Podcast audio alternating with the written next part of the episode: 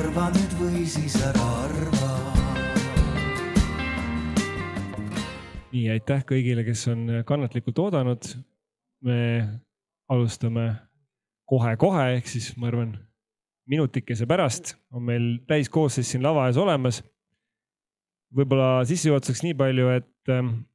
et kes on seda spordiala programmi vaadanud, siis meie äh, teeme siin täna avalöögi ja räägime siis teemal, kuidas muuta Eesti pallimänguklubid Euroopas jätkusuutlikult edukaks. ja see on Eesti Jalgpalliliidu äh, korraldatud äh, selline aruteluring ja teatud mõttes on see pühendatud siis Eesti Jalgpalliliidu sajandale sünnipäevale, mida me tähistame. ja võib-olla siis äh, infoks selles osas, et kui me siin osalejaid ka tutvustame, kui kellelgi tekib küsimus, et kus on mõni korvpalliinimene või mõni võrkpalliinimene, et siis korvpalliinimesed lubasid täna korvpallikonverentsil, mis toimub siis Tartus erinevaid teemasid käsitleda ja meie peale mõelda, et sattus sellised kaks, kaks päeva kokku ja võrkpalliinimesed, võrkpalliinimestega juhtus niimoodi, et võrkpalliliidu president Hanno Pevkur sai meil vahepeal kaitseministriks ja ta oli siin planeeritud tegelikult osalema. aga siis ta, tema uued tööülesanded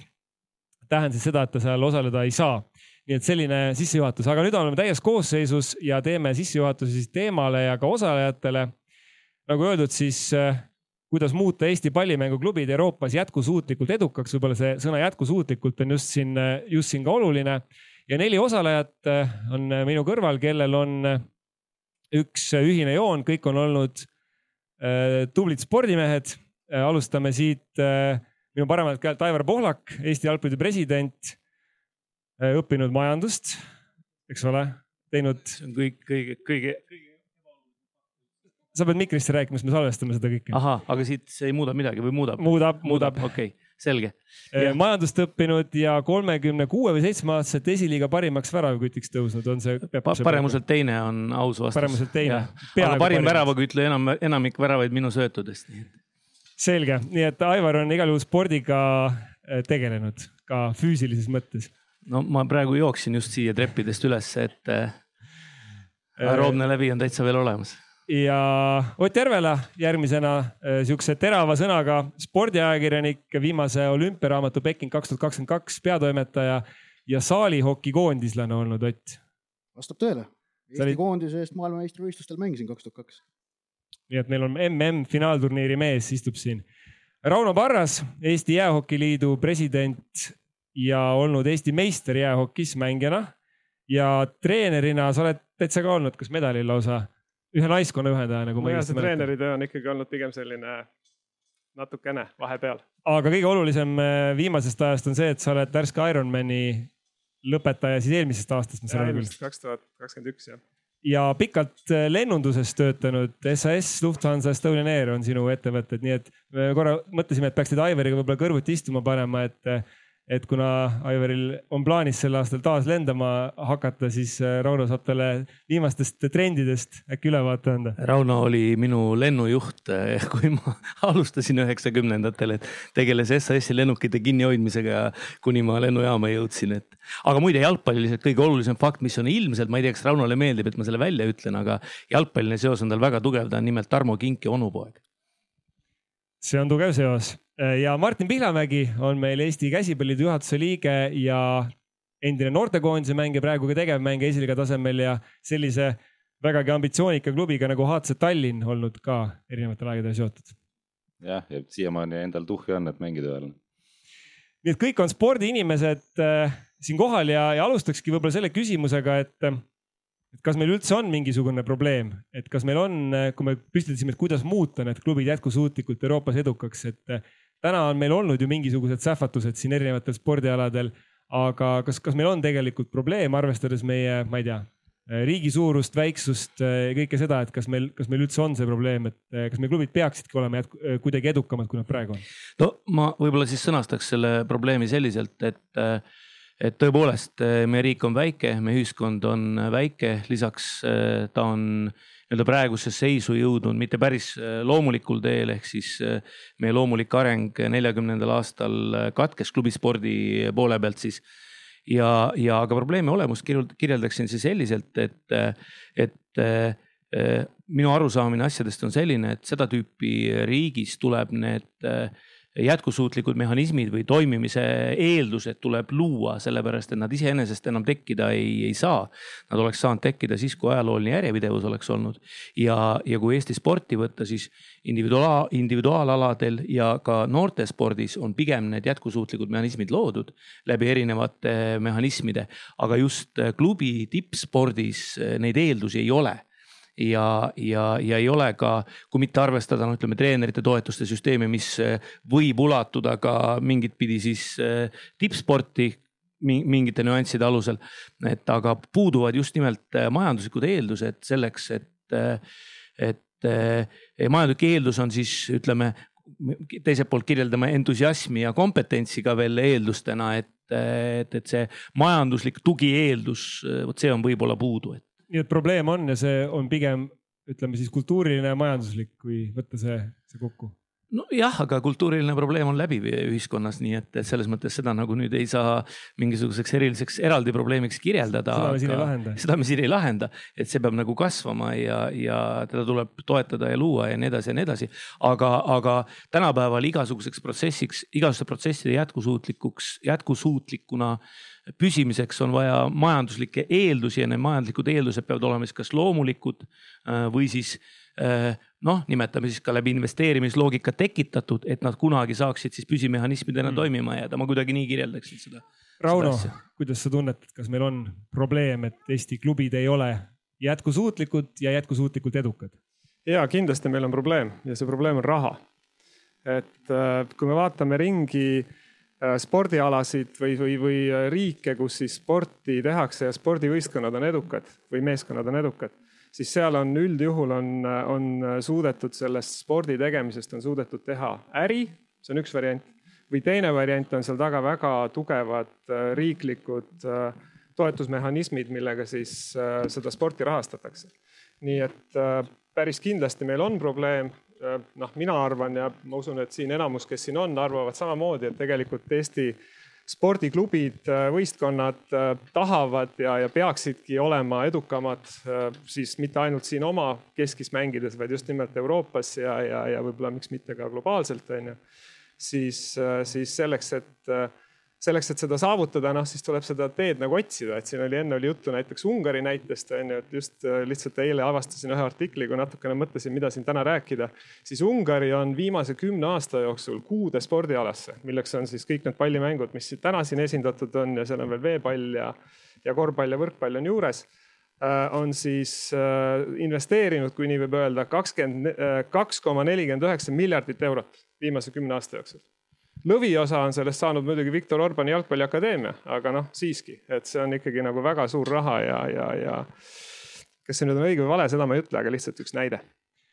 Martin, kuidas sulle tundub, kas meil on probleem sellega? kindlasti on probleem ja, ja kui sa rääkisid siin nagu sähvatustest, siis ma võiksin nagu käsipallist tuua näite, et äh, käsipalli sähvatused on äh, toimunud nagu klubiliselt siis äh, Äh, see, ütleme siis, äh, kui kinnisvara on buuminud, on majandus tõusvalt ja peale seda on jälle ära vajunud. see näitabki seda, et äh, toetus on olnud, toetus on siis, kui on raha ja kui, kui ütleme siis, kui, kui tekib majanduskriis, siis kaovad mingid toetajad tagant ära ja samamoodi kaovad ka tulemused tagant ära. Noh. ja, ja, ja et ütleme, et see, see on, see on kindlasti suur probleem noh. Ott kõrvaltvaatajana, kas äh, see on probleem, kas meil on selline probleem, et Eesti klubid ei ole edukad ja, ja võiksid nad kuidagi jätkusuutlikumad olla? no sporti vaadatakse, et, et edu kogeda, edu näha, see on, see on üks põhiline põhjus, miks nagu tippsporti tahetakse jälgida. aga kõik siin jalgpall, jäähoki, käsipall, kõik tegelikult jõudsid ju väga kiiresti praegu äh, punkti, et raha on vähe ja see on põhiline põhjus, miks, miks edu ei ole. raha on muidugi rahvusvahelises äh, pallimängu keskkonnas edu saavutamiseks vaja Äh, aga ta üksi ei garanteeri ju midagi. et, et ma siin kohe tooksin esile ka üks asi on ka võistlussüsteemid, et näiteks kui käsipallis on olnud paar sähvatust, äh, Serviti jõudis korra kevadesse välja. Ähm, aga, aga ei ole ju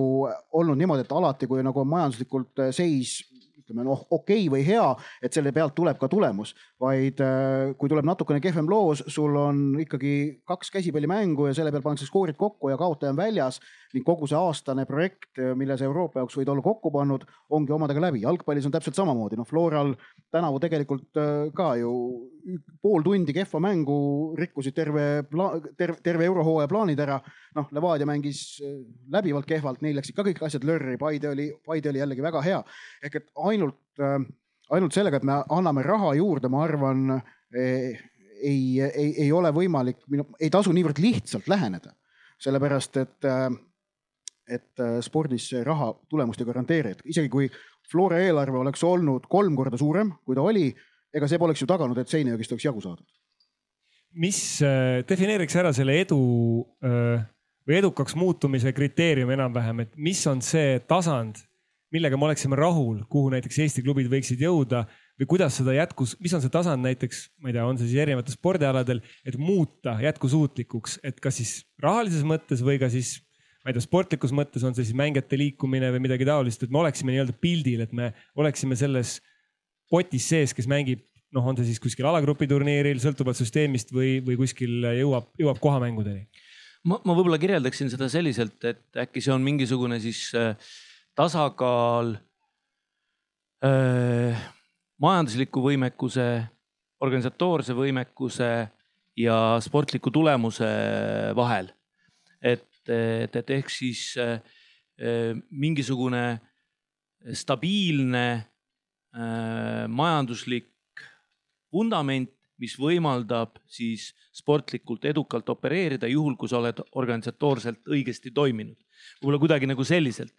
et äh, ja, ja tõepoolest äh, nagu ka Ott rõhutas ja miks ma ka alguses tõin need teised mõõtmed sisse, et raha üksi ei taga midagi ja raha saab ka väga edukalt, äh, väga lihtsalt ju kulutada rumalasti. sport on selles suhtes veel üks väga eriline võimalus, et, et siin on, siin on lolle otsuseid nagu eriti lihtne teha, sellepärast et, et siin on nagu väga palju sellist emotsionaalset ja nii edasi ja nii edasi. aga, aga, aga ehk siis tähendab seda, et me peame, kui nüüd tulla tagasi selle majandusliku jutu juurde, siis on vaja tekitada mingisugune minimaalne majanduslik eeldus, millega on või mille peal, mida on võimalik siis kasvatada läbi äh, hästi juhitud spordi. Ma ütleks kuidagi, kuidagi niimoodi. Ja, ja, ja puht jalgpalli poole pealt, et sa tead ju ka, et, et meie just äh, praegu klubidega, no me iga aastal siis tippklubidega, meil on individuaalsed kohtumised, ehitame klubide loogikaid üles, et see jätkusuutliku klubi, ma ei tea, mentaliteedi loomine ehk siis äh, kuidas vaadelda, mis nurga alt vaadelda oma organisatsiooni selle, selliselt, et, et sa saad aru, et ta nüüd on jätkusuutlik või ei ole, eks ole, et, et, et, et see majanduslik miinimum, kui nüüd majandusliku poole pealt rääkida, on võib-olla siis see, mille peale siis eh, tark ja kompetentne, targad ja kompetentsed klubijuhid on võimelised siis üles ehitama toimima, toimiva struktuuri, et, et, et ma kirjeldaks seda kuidagi nii. kui Ott tahad lisada? ja, et Baltimaades on üks hea näide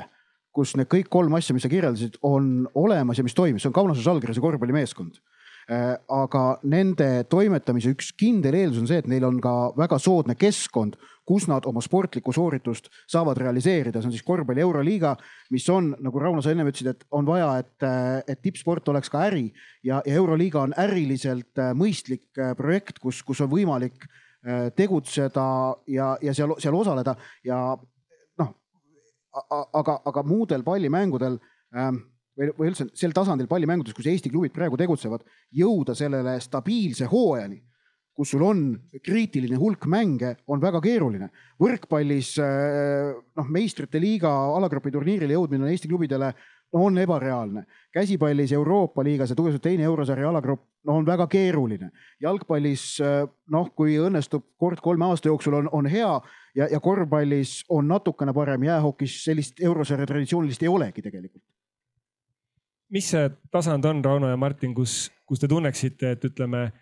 üks siis jäähokiklubi või ka käsipalliklubi äh, jõuaks selle tasemele, et, et ta nüüd hakkab olema seal pildis ja see, see asi hakkab iseennast nagu taastootma. mis, kuhu maani te, te peaksite, teie alal peaks, peaksime jõudma ja kui kaugel me sellest täna oleme? Äh, kui mina alustasin, ma hakkan natuke kaugemalt pihta, et kui ma alustasin Oki, Oki juhtimisega Eestis aastal kaks tuhat neliteist äkki või siis äh, oli mul kindel veendumus, et me peame minema jalgpalli teed. et, äh, et me peame minema nagu sellele, et meil oleks laiapõhjaline äh, hokiklubid oleksid nagu kõik, ütleme meil nüüd siin igas suuremas linnas, Tallinnas kaks ja teistes suuremates linnades üks, oleks siis sellised nagu tugevad hokiklubid, kes konkureerivad omavahel ja, ja siis äh, meister tõuseks siis sellesse nii-öelda Euroopa liigasse, mida nimetatakse kontinentaalkarikaliigaks on ju, seal on veel Champions Hockey League, mis on siis nende tippriikide liigade oma ja siis on selliste vähe nõrgemate riikide oma kontinentaal, kontinentaalhokiliiga ja, aga tänaseks ütleme selle, mis on siis kaheksa aastaga olen ma tegelikult saanud aru, et sellist laiapõhjalist arengut äh, me see, see on ilmselt võimalik, aga see võtab aega veel nii kaua, et mina seda presidendina kindlasti ei näe. ja võib-olla siis mõni minu järeltulijatest, võib-olla Robert Roobo ühel hetkel, kui ta lõpetab oma mängukarjääri ja, ja tuleb Eestisse hokit juhtima, võib-olla tema et ühesõnaga, ma olen jõudnud sinnamaani oma nii-öelda uskumuse ja veendumusega, et tegelikult Eestisse oleks vaja ühte sellist, äh, sellist klubi, mis baseeruks siis noh, kas näiteks Tallinnas Tondiraba jäähallis ja osaleks siis, äh, mängiks oma nii-öelda igapäevahokit, mängiks Soomes. noh, alustaks mestis tasemelt, tõuseks hiljem liiga tasemele ja mängiks siis Euroopa tasemel, võidaks selle kontinentaalkarika. noh, mängiks siis nii-öelda selle, selle, selle võidu peale mingi selline oleks nagu minu tänane definitsioon edukale hokiklubile Eestis. ja kui kaugel me sellest edukast hokiklubist oleme? umbes miljon eurot. umbes miljon eurot. Martin, kuidas käsipallis? käsipallis, ma arvan äh, me, me võiks liikuda sinnapoole, et äh, meil on täna on ju Tallinn, äh, Põlva, Viljandi, Kehran nagu on, on siis ütleme, Tallinn on nagu väiksema, väiksema ajalooga, aga kolmteist linna on nagu tugevama ajalooga, aga need nendes kõigis linnades võiks olla tugeva noortesüsteemiga täisprofessionaalse meistriliiga võist- või meistriliiga võistkonna. et kui me jõuame sinna tasemele, siis me kindlasti hakkame, ütleme meie enda tase on see, läheb sinna konkurents läheb nii suureks, et me, me kindlasti suudaks siis hakata Euroopas ka paremaid tulemusi näitama võttes Rauno sõnasabast kinni, sa ütlesid, et see nii-öelda üks võistkond või üks klubi võiks olla see, kes läheb ja seda on tegelikult äh, ka korvpallis olnud ju mingil perioodil, kus oli meil äh, Kalev, kes oli siis klubide koondis erinevate nimede all. aga ma mõtlengi, et kas, eh, noh, Ott tõi ka siin selle välja, selle just selle regulaarsete mm, võistlusmängude olulisuse, võistlussarjade olulisuse, mis nii sportlikud kui finantsiliselt oleks.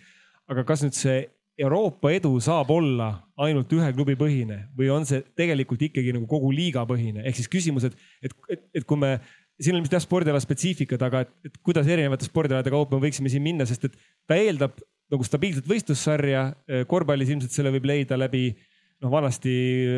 võis leida läbi VTB liiga ja läbi kohalike võistluste ja nüüd läbi siis Balti või Eesti-Läti ühisliiga ja, aga samas teistel aladel ilmselt on see natuke teine spetsiifika, Aivar. ma, ma viskuks Rauno kaitsele siit selles olukorras praegu, et omal ajal me oleme nendest asjadest ju väga palju kõnelenud ja rääkinud ja,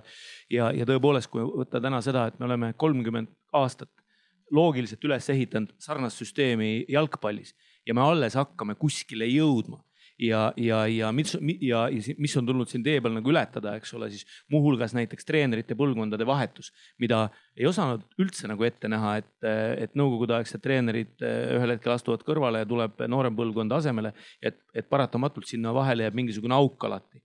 mängijate poole pealt ja, ja, ja, ja, ja kõik need äh, protsessid sellistel võistkonnaaladel, kus mängijate kasvatamine hakkab seitsmendast eluaastast. Need on nii pika vinnaga protsessid, et ehk siis ma, ma noh, kahe tuhande neljateistkümnendal aastal oleks öelnud ka sulle või ütlesingi, et, mitte mingil juhul see superklubi teed, teed pidi ei tohi minna, eks ole. aga, aga täna ma saan täpselt samamoodi aru, vaadates ise tagasi, et me nibin-nabin ise lipsame, lipsasime läbi sellest ja, ja, ja no me oleme ikka meeletult pidanud võimlema selle nimel, et see liiga struktuur tekitada ja, ja kolmetasandiline tippliigade loogika ja, ja lätlased ja leedukad, kes on siis noh, analoogses keskkonnas, kuigi eeldused olid neil ju paremad omal ajal, kui Nõukogude Liit lagunes et imestavad, et me oleme nagu sellise asja nii-öelda poolvägisi suutnud luua neid, see klubide, klubide loogika, et ehk siis see ongi nagu väga-väga raske. et ehk siis näiteks noh, täna ma kirjutaks ka sellele kindlalt alla, et, et, et, et paraku tuleb alapopulaarsust eh, või loogikat üles ehitada ikkagi läbi selle, et, et sul on kuskil sisse sellisel juhul see särav tipp, sest sa ei pääse lihtsalt eh, selle massini muidu, mida sul on vaja selle, nende noorteni, selle tähelepanuni eh, ja nii edasi ja nii edasi ja nii edasi. aga ideaalne lahendus on loomulikult see, et me suudame üles ehitada liiga struktuuri, toimivate klubide struktuuri ja, ja noh, jalgpalliliidu poole pealt lihtsalt ongi see, et jalgpalliliit on ise selle ühe finantselevandi siia taha andnud, mille peale see, see toetub, eks ole, et eh, ja aga, aga tõepoolest nagu Kott rääkis sellest stabiilsest klubisarjades mängimisest, et, et, et, et see on ikkagi nagu väga-väga keeruline ja, ja noh, mulle pigem nagu tundub siin, et ka ideaalne skeem on loomulikult see, et, et me suudame nagu Äh, siseneda mitme klubiga korraga. praegu ongi nagu selles mõttes nagu tore olukord, eks ole, et, et kui võtta eelmine, üle-eelmine hooaeg, siis Flora suutis teha erilist tulemust sportlikult kaks aastat järjest. nüüd on Paide võtnud üle selle, et see ongi, ongi tegelikult nagu mingit pidi ideaalne olukord ja Levadial oli ju suurepärane šanss olla seal teine, eks ole, kes oleks seda seda, seda tekitanud, aga, aga ka siin tegelikult mingit pidi, kui võtta näiteks seesama koefitsientide loogika, siis oleks lihtsam, kui üks klubi murrab läbi, toob neid punkte ja tõmbab teised, äh, teised kaasa, eks ole, läbi selle et nii, nii majandusliku kui ka siis majandusliku loogika eeldus jalgpallis on see koefitsientide süsteem, läbi mille paigutatakse. muuseas Läti karikavõitja näiteks alustas konverentsliiga teisest eelringist, et see ei olegi nagu nii kaugel. ja, ja eelmisel hooajal siis Eesti tänu eelkõige siis Flora edule oli, kas oli kahekümne kaheksas, kahekümne üheksas Euroopa klubide edetabelis ja see, ja see te, teisest ringist alustamine tuli mingi kolmekümne kuuenda koha pealt, kolmekümne kuues, vist kolmekümne viies, kuskilt sealt. et tegelikult noh, see, ongi natuke nagu noh, nagu, nagu oleks käeulatuses, aga, aga, aga, aga jah et ideaalne lahendus on loomulikult see, et sa suudad nagu siis nagu kogu võistlussüsteemi eh, tõmmata kaasa ja siis sellisel juhul ühel hetkel tekib seal nagu erinevate aspektide sünergia. et eh, mille, mille osaks on siis ka, ma ei tea, noh näiteks eh, juba, juba seesama argument, et sa saad rääkida pallimängijast või jalgpallurist või siis laiemalt võttes pallimängurist, pallimängijast kui, kui elukutsest äh,. mitte ainult Eesti kontekstis, vaid juba laiemas kontekstis, mida me ka siin tegelikult äh, pallimängu alaliitudega juba aastaid oleme omavahel kõnelenud. aga jällegi igal spordialal, ka igal pallimängul on see siht, kuhu tahetakse jõuda ja ka moodused sinna jõudmiseni on spetsiifilised. Äh, jäähokis see on väga loogiline, et eh, üks superklubi, mis mängiks Soome liigat ja oleks meil amatöörvõistkond, kes mängivad Eesti meistrivõistlusi. see on nagu noh, väga loogiline süsteem. käsipallis samamoodi, kui sul oleks neljas erinevas Eesti äh, punktis noh, kas poolprofi või täisprofessionaalne klubi äh,, see looks eeldused, vahest juhtub midagi Euroopas, aga tegelikult käsipallis on olemas ka Balti liiga tasand, kus on võimalik püüda eesmärke, mis kütkestavad samamoodi korvpallis pakub ka Eesti-Läti ühisliiga sellist mingit muud tasandit, jalgpallis seda regionaalset tasandit ei ole ja ei tule, oleme ausad. ei, ei hakka kunagi tulema, ehk et eh, igal spordialal need, need, need moodused on eh, spetsiifilised ja, ja väikese riigi nüüd ütleme noh, eelis ja samas ka paratamatus on see, et meil tulebki igal spordialal tuleb need käsitööna need lahendused, mõistlikud mudelid leida ei ole sellist võimalik, et meil tuleb ülevalt tsentraliseeritud mingisugune universaalne mudel, mida me rakendame kõikidel spordialadel ja seeläbi tagame mingisuguse edu, et seda ei ole võimalik. Ma, ma tegelikult sellel koha peal äh, korraks oponeeriks selle nurga alt, et me just, just nimelt oleme seda universaalset lahendust tegelikult äh, siis äh, võistkonnaalade alaliitudega otsinud ja, ja, ja, ja, ja, ja, ja ütleme siis ka vaadates eeskujusid mujalt maailmast ja, ja Euroopast, et ja see on jällegi seesama, et, et, et, et paljudes kohtades see eksisteerib nagu loomulikult, ma pean nüüd silmas teleturg, eks ole, et see on siis eh, midagi sellist, mis, mille pealt eh, tegelikult ju maailma jalgpall valdavas osas toimibki, eks ole, et. ja ma, ma, ma tahtsin minnagi sinna, et okei okay,, et kuidas lähe, lähme nüüd siis nii-öelda sinna sisse, et kuidas need klubid siis jätkusuutlikult eh, edukaks muuta, et me oleme jõudnud selle noh, väga mitmest nurgast nagu selle majandusliku aspektini, et üldiselt vähemalt jalgpallis on, on suurusjärgu mõttes vist niimoodi, et umbes kolmandiku klubide tulust moodustab teleõiguste müük suurusjärgu mõttes. siis on mingi hulk, äh, on, on siis ütleme publikutulu, mis kaasneb piletimüügiga ja, ja siis seal võib-olla sponsortulu äh, veel, veel, veel kolmandiku. ja noh, mingitel juhtudel on ka sellised mudelid, kus näiteks Moldovast Tiraspoli šerif, kes, kellel on lihtsalt väga jõukas omanik, kes, kes põhimõtteliselt lihtsalt peab seda siukse oligarhina või, või, või nagu hobina selle kõrvalt, et mis mudelid, mis mudelid veel oleksid, sest et, sest Eestis mulle tundub selle esimese koha pealt on nagu selline, noh, ma ei tea, kas saab seda turutõrk, turutõrkeks nimetada, et meil on piisavalt väike see, see ühiskond või see riik, et meil nagu teleõiguste müügist, ma ei tea, et ühelgi spordialal Eesti sees võiks praegu rääkida. ma, ma võib-olla tooks kaks näidet, ühe kõigepealt siis äh, teleturueelsest seisundist Saksamaal. teleturueelsest seisundist Saksamaal Müncheni Bayerni äh, eelarve äh, siis aastal tuhat üheksasada seitsekümmend üheksa, enne kui teleturg tekkis, oli kuus ja pool miljonit eurot praeguses väljundis ehk siis tuhande üheksasaja seitsmekümne üheksas aasta oli see, kui ma ei eksi. see on sama palju muuseas kui Flora eelmise aasta eelarve nii et eh, siis teleturueelne Müncheni Bayerni eelarve oli selline millest, millest kaheksakümmend protsenti moodustas piletitulu. et ehk siis eh, eh, see on tegelikult mingit pidi nagu naturaalne, et see televisioon on muutnud tegelikult kogu seda tulustruktuuri, tulustruktuuri. ja teine näide, mis ma tahtsin tuua, on siis Küpros täna, kus siis on Eestis ka võrreldes palju elanikke mingi kaks kolmandikku, kolm neljandikku, midagi sellist, eks ole. jah, umbes kaheksasada tuhat äkki Nende jalgpalli teleõiguste eest makstakse liigale viisteist miljonit eh, eurot.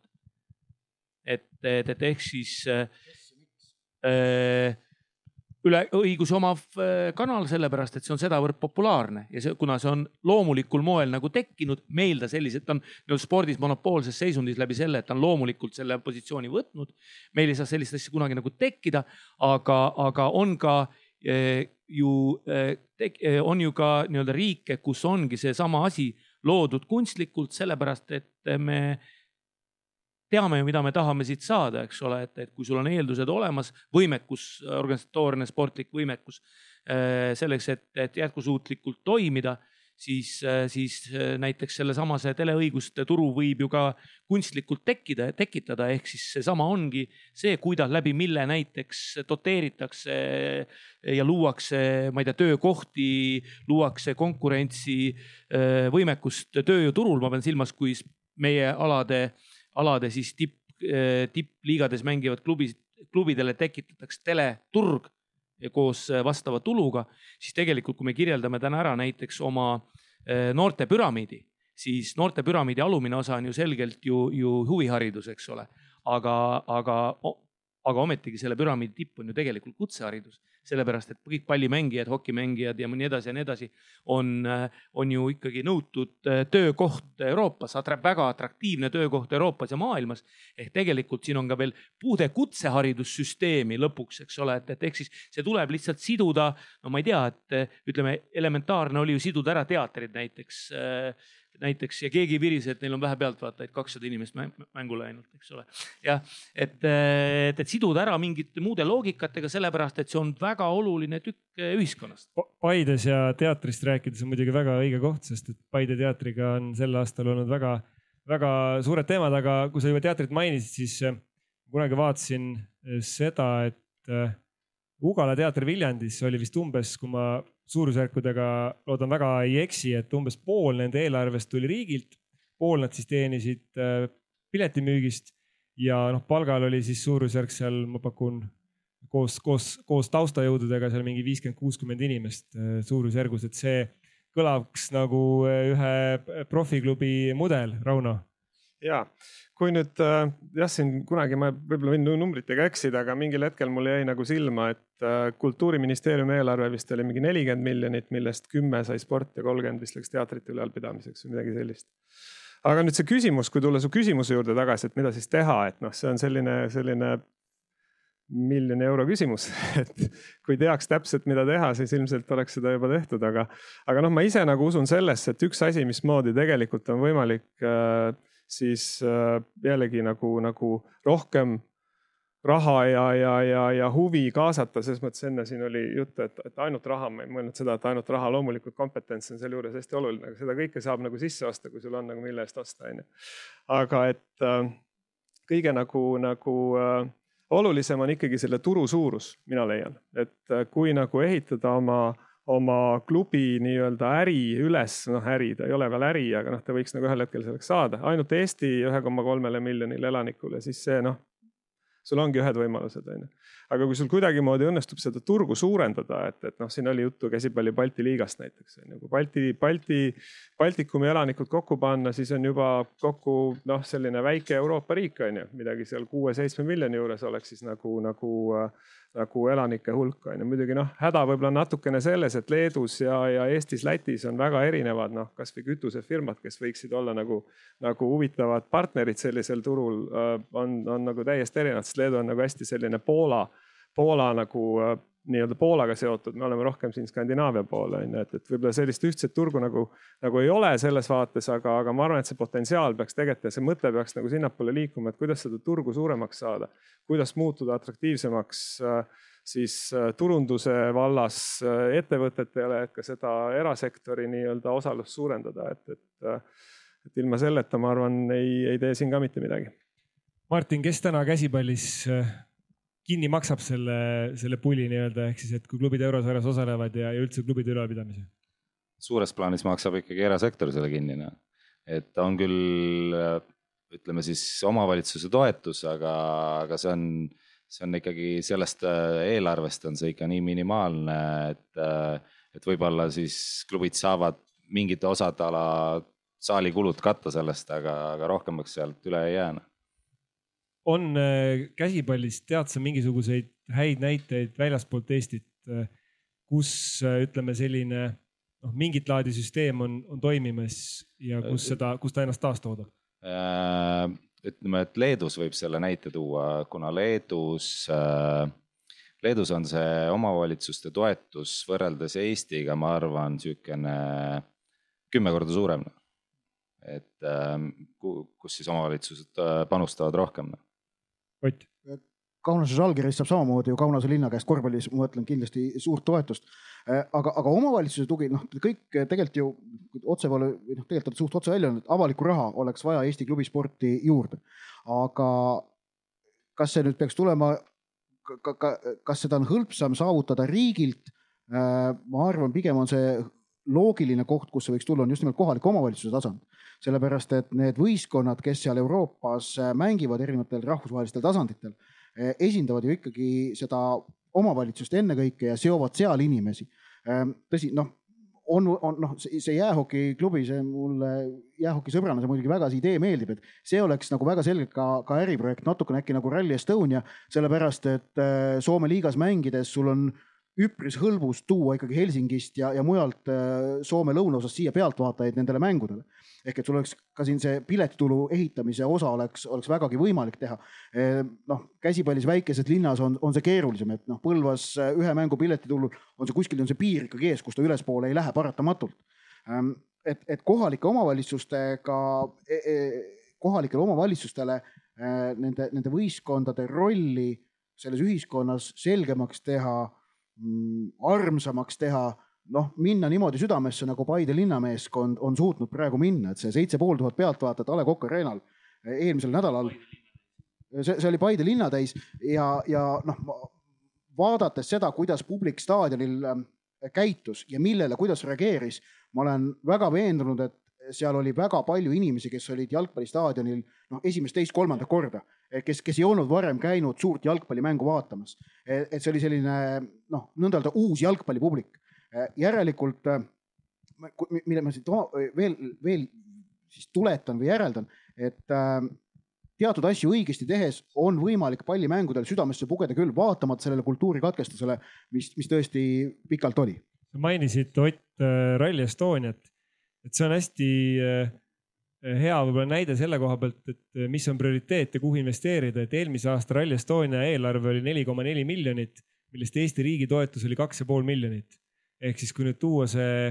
projitseerida see kuidagi äh, siis äh, siin klubisporti, et siis samamoodi kui võtta ette projekt, sama jäähokiklubi, millest Rauno rääkis või, või. ja kus oli ainult miljon puudu. kus oli ainult miljon puudu on ju, või et jalgpalliklubi, kes näiteks äh, jõuaks konverentsiliiga või Euroopa liiga alagrupi turniirile, jällegi see ei ole loomulikult kindel kindel asi, noh, rallis on lihtne, sa, või selles mõttes lihtsam, et sul on ikkagi üritus, mis kindlasti toimub, et see, see ei jää vähemalt ära. ja hokis samamoodi, et hokis sul on nagu hooaeg, on ju, et, et sa saad sinna minna, et, et pigem ta taandub sellele, et millesse me investeerime ja milles ka me näeme seda tagasituleku, noh, või tagasitootluse, on see siis majanduslik või ka, või ka ütleme siis, ma ei tea, töökohad, turism, kultuuriline? No ma ütleks niimoodi, et või võtaks see kuidagi selliselt kokku, et,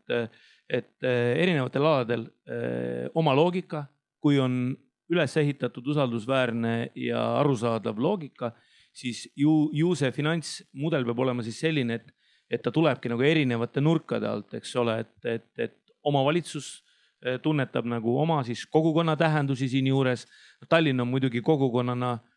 keeruliselt defineeritav, aga, aga samal ajal on temaga finantsvõimekus nagu teistsugune, et ju siin on mingid muud tähendused eh, eh, ja, ja, ja nii edasi ja nii edasi ja nii edasi siis riigiga seonduvalt, eks ole, et kui me räägime siis ütleme nii, et noh, näiteks, et, et rahvustelevisioonil võiks olla spordikanal, eks ole, kuhu siis ostetakse teadlikult sisse kõikide pallimängude liigade teleõigused näiteks samamoodi me võiksime olla osa kutseharidussüsteemist äh, läbi selle teatavate litsenseeritud äh, spordiklubide süsteemi siis, eks ole. ja, ja, ja, ja siis edasi tuleb juba sportlik edu ja, ja, ja, ja nii edasi ja nii edasi ja nii edasi, eks ole, et, et, et see ükski ükski elevant ei kanna kunagi üksi seda ära, et eks ole, siin seda kogu seda koormat, et see peabki olema nagu erinevalt jagatud. jalgpalliliidu puhul siis üks elevant, eks ole, on siis jalgpalliliidu enda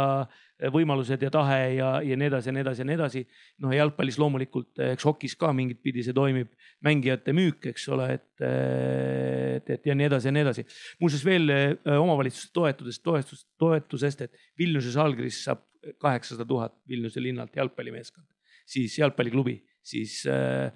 äh, palju, üks leedukas vist on neil väravas, ülejäänud on kõik välismaalased. jah, et, äh, et mind, mina, mina selle nurga alt muidugi, ma olen nii kultuuripõhine inimene, et noh, mind ei huvitaks selline tegevus. mind huvitaks ainult ikkagi see, et sa teed oma kogukonnale, oma kogukonnast pärit äh, inimestega ja, ja tegelikult äh, ka ma arvan, tundes seda mehhanismi jalgpallis nagu päris hästi see ruum, mida saab täita kvaliteetse noortetööga, on üüratu. Tegelikult, et ehk siis ma julgen nagu selgelt öelda, et, et, et, et see üks koma kolm miljonit ei ole palju meid siin on, järel oli, see ei ole tegelikult probleem. et eh, kui sa, kui sa, kui sa teed seda hästi, et eh, või, või väga hästi ja, ja spordis noortetööd väga hästi maailmas tehakse väga vähestes kohtades üldse. Ka, ka, ka, ka jalgpallis, mis on kõige võib-olla noh, arenenum selle nurga alt, et tegelikult äh, see, see ruum on ikka üüratu, see ruum on üüratu, mida saab siin kvaliteediga, ka kvaliteedi abil täita see, ma nii palju lisaksin selle, ütleme selle elevandi koha pealt, et näiteks Sloveenias on selline näide, et äh, selline elevant, kes siis ütleme, et see käsipalliliit seal teeb koostööd sotsiaalministeeriumiga, kaitseministeeriumiga, kultuuri, kultuuriministeeriumiga, et, et ta saab igalt poolt toetust. et seal ongi see, et, et üks elevant ei kanna seda, seda koormat ära ma tahtsingi küsida, et eh, kui ma paneks ennast riigi või omavalitsuse eh, nii-öelda kingadesse, tehke mulle selgeks, et mis ma sellest kasu saan, kui, kui ma teid toetan, et, eh, mis need, mis need punktid on, kus see raha mulle tagasi tuleb või millesse ma investeerin, kui ma näiteks toetan, et, et noh, siin tuligi näide sellest Vilniuse Žalgirise jalgpallimeeskonnast, kus tõesti üks mängija algkoosseisus oli leedukas ja, ja noh, või ka Tiraspoli Šerif, kus siis oli vist üks, polnud ühtegi Moldova mängijat koosseis Ük, üks oli kodustatud Moldova, moldovlane siis äh, tervest võistkonnast, et ma saan aru, et see kindlasti riigi huvides ei oleks. no ma arvan, et siin on hea näide, on jällegi seesama Kaunase Žalgiris. et äh, ma ei tea, kui paljud te olete nagu käinud Kaunase Žalgiris enda mängu mängi, mänge vaatamas või siis lihtsalt Leedu nii-öelda sportmänge vaatamas ja kui palju seal on tegelikult nagu kohalikku publikut ja minu väide on see, et, et leedukas ongi niivõrd kokkuhoidev ja, ja spordimängudest huvitatud tänu sellele, et äh, neil on Kaunase Žalgiris olnud kogu aeg. ja see on neid nagu liitnud selliseks ühtseks, ühtseks rusikaks ja neil on selline, selline sportmängude pisik on neil nagu sügavalt sees, et näiteks äh, kaks tuhat kaheksateist, kui Eesti, Eesti koondis mängis Kaunases äh, hokist, hokit siis MM-il, siis äh, seda viimast mängu, kus Eesti mängis Kaunasega, see jäähall, Kaunase ja Leedu vastu, see Kaunase Žalgiris jäähall kolmteist tuhat istekohta oli täiesti täis müüdud. ehk et, ehk et see, see, see on nagu üks asi, mille, mille omavalitsus tagasi saab, on see, et see liidab äh, seda, seda kogukonda ja mitte ainult seda Kaunase inimest, vaid tegelikult tervet Leedut teine asi, mis minust nagu ma kindlasti tahan siin välja öelda, on see, mis on jällegi Eestis on unikaalne äh, Äh, jalgpallil ja hokil, see on integratsioon, see on see, et me tegelikult suudame liita ühe lipu all äh, erinevad ühiskonnagrupid, mida tegelikult noh, ütleme niimoodi, et teised sportmängud äh, ei suuda, ütleme nii. et jalgpallil ja hokil on siin nagu unikaalne, unikaalne äh, omadus Eestis ja, ja see on kindlasti üks väga oluline nüanss, mida kohalikud omavalitsused peaksid äh, arvesse võtma. Ma just tahtsin jah öelda, et see seitse tuhat viissada pealtvaatajat Paide mängul, et see noh, see on hea näide sellest ühtsustundest nüüd või, või sellest, mis selle potentsiaal on, aga veel ikkagi, mis, sa Martin mainisid seda sotsiaalministeeriumi koostööd näiteks Sloveenias, et, et oskad sa veel seda kuidagi laiendada? pigem ma, ma räägiks sellest, et vaata, kui me võtame nagu, et see üks või üks, üks tiim kuskil on seal ka, kus on kaks oma venda ainult mängib, üks on kodustatud, on ju. et me peame ikkagi, ma arvan, laiahaardelisemalt vaatama seda, kuna, kuna neid musti lambad on igal pool, on ju, et pigem on ju me, me, me, need teised klubid, kes siis, kes võidavad, need enamus klubid on ikkagi kohalike mängijatest seal on ju. ja, ja noh, üks on see turism on ju, turistid liiguvad, kus siis saadakse kasu. üks asi on see, et, et ju tegelikult, kui, kui meil tekivad sellised asjad, siis ka me, kui meil tekib niisugune tugev süsteem, siis lõppkokkuvõttes ka meie inimesed on tervemad ju et lapsed teevad trenni, käib rohkem rahvast trennis ja, ja võidame, võidame siis ühiskonna pealt sellega ja, ja ühel hetkel, eks ole, hakkab ka raha tagasi tulema selles mõttes, et eh, kui sa jõuad sportlikult kuhugi, hakatakse sulle maksma siis preemiaraha, Ott. tänuväärsel kombel me kõik elame ja toimetame demokraatlikus ühiskonnas ja avaliku sektori äh, raha pälvimiseks või, või kaasamiseks ongi kõigil võimalik ju astuda neid samme, et need äh, noh, ütleme ministeeriumid või, või siis kohalikud omavalitsused, et nad näeksid, et sellest tõepoolest on kasu ja lõpuks noh, see hääl sinna poliitilise otsuseni jõuab ju valijate kaudu. ehk et tegelikult äh, algab ikkagi kõik peale sellest kogukonna ja rohujuure tasandist. Äh, spordialadel on vaja selgemalt või noh, paremini selgitada ja teadvustada, miks seda, miks, miks selle spordiga tegelemine ja ka selle tipptaseme toetamine on siis kasulik. aga, aga ma, ma ei, ma, ma ei, selline forsseeritult, okei okay,, forsseerimine võib veel mõistlik olla, aga et selline jah ülevalt poolt käsulaudadega tulemine, et, et me paneme nendesse spordialadesse väga palju raha sisse ja seeläbi äkki kuhugile jõuame, ma arvan, et see ei ole mõistlik mõte. et spordialad ise peavad kasvama, jah, on Eestil teatud eripärad, mis, mis on kõigile arusaadav ja mis muudavad asja keerulisemaks, aga see ise kasvades on, on sellest kõige rohkem tegelikult lõpuks kasu ja sellega ma olen väga nõus, et, et, et noh, ma eeldangi, et ütleme, et me olemegi nagu kuhugile maale kasvanud, eks ole, sellepärast et eh, nagu väga palju raha ei olegi nagu mõistlik, isegi palju raha ei ole mõistlik, et, et, et see peabki nagu ikkagi mingi pilt tükkides kokku pandud saama. aga mida, mida riik või ühiskond saab vastu Äh, ongi ju tegelikult, äh, mida paar korda on juba siin ka mainitud, äh, vist küll valdavalt minu enda suu läbi, et, et töö, töökohad, töökohad ja, ja konkurents atraktiivsetele töökohtadele Euroopas, see on see, mida me saame läbi selle näiteks, et kui, kui ka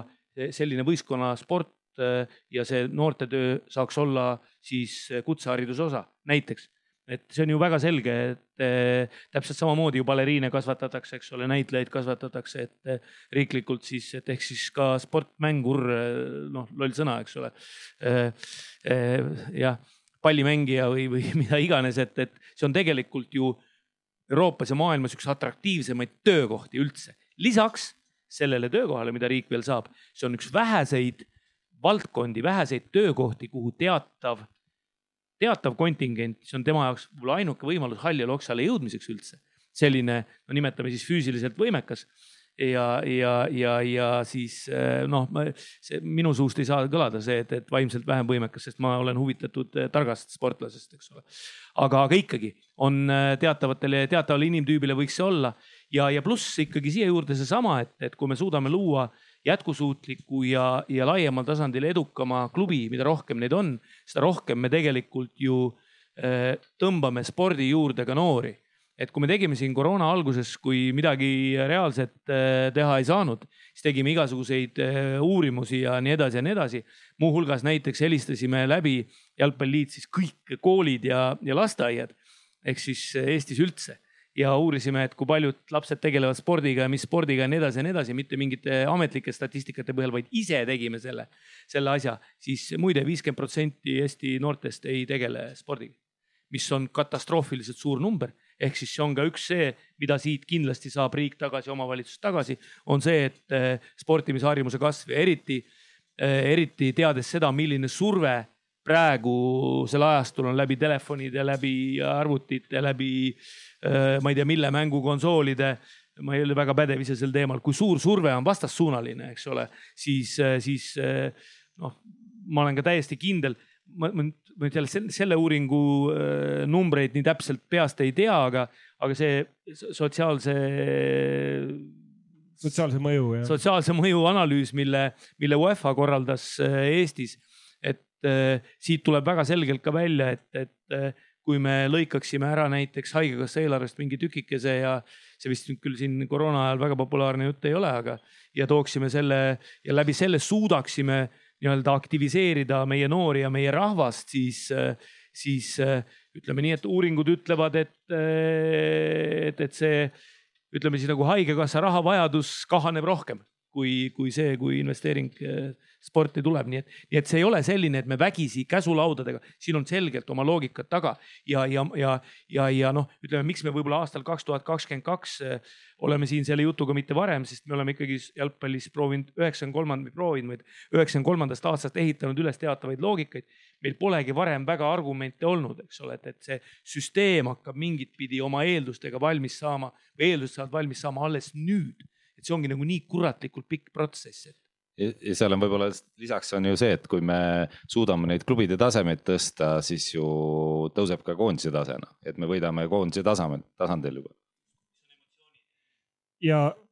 just see emotsioon, Aivar, mis sa ka mainisid, on võib-olla üks, üks tasand, millest tahaks ka rääkida, et, et Rauno võib-olla natuke mainis seda, kuidas Leedus on inimesed tribüüni peal, aga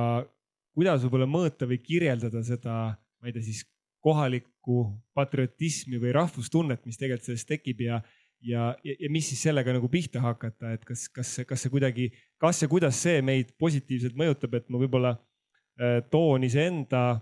kogemusest selle näite, kui Tartus oli selline edukas korvpalliklubi periood, kus äh, ka oli mitu seda vaala või elevanti, kuidas me neid täna oleme nimetanud, ehk siis oli linn, kes, äh, kes oli oma rahalise panusega ülikool, kes, kes oli teine ja kolmas oli siis eraettevõtja, ehk siis tegelikult oli kolm sellist, pluss piletitulu oli ka seal ikkagi tegelikult arvestatav, kuna seal mängudel käis päris palju rahvast. Ja tegelikult sellel oli nagu Tartu inimestele selline eh, ka üliõpilaskonnale vägagi selline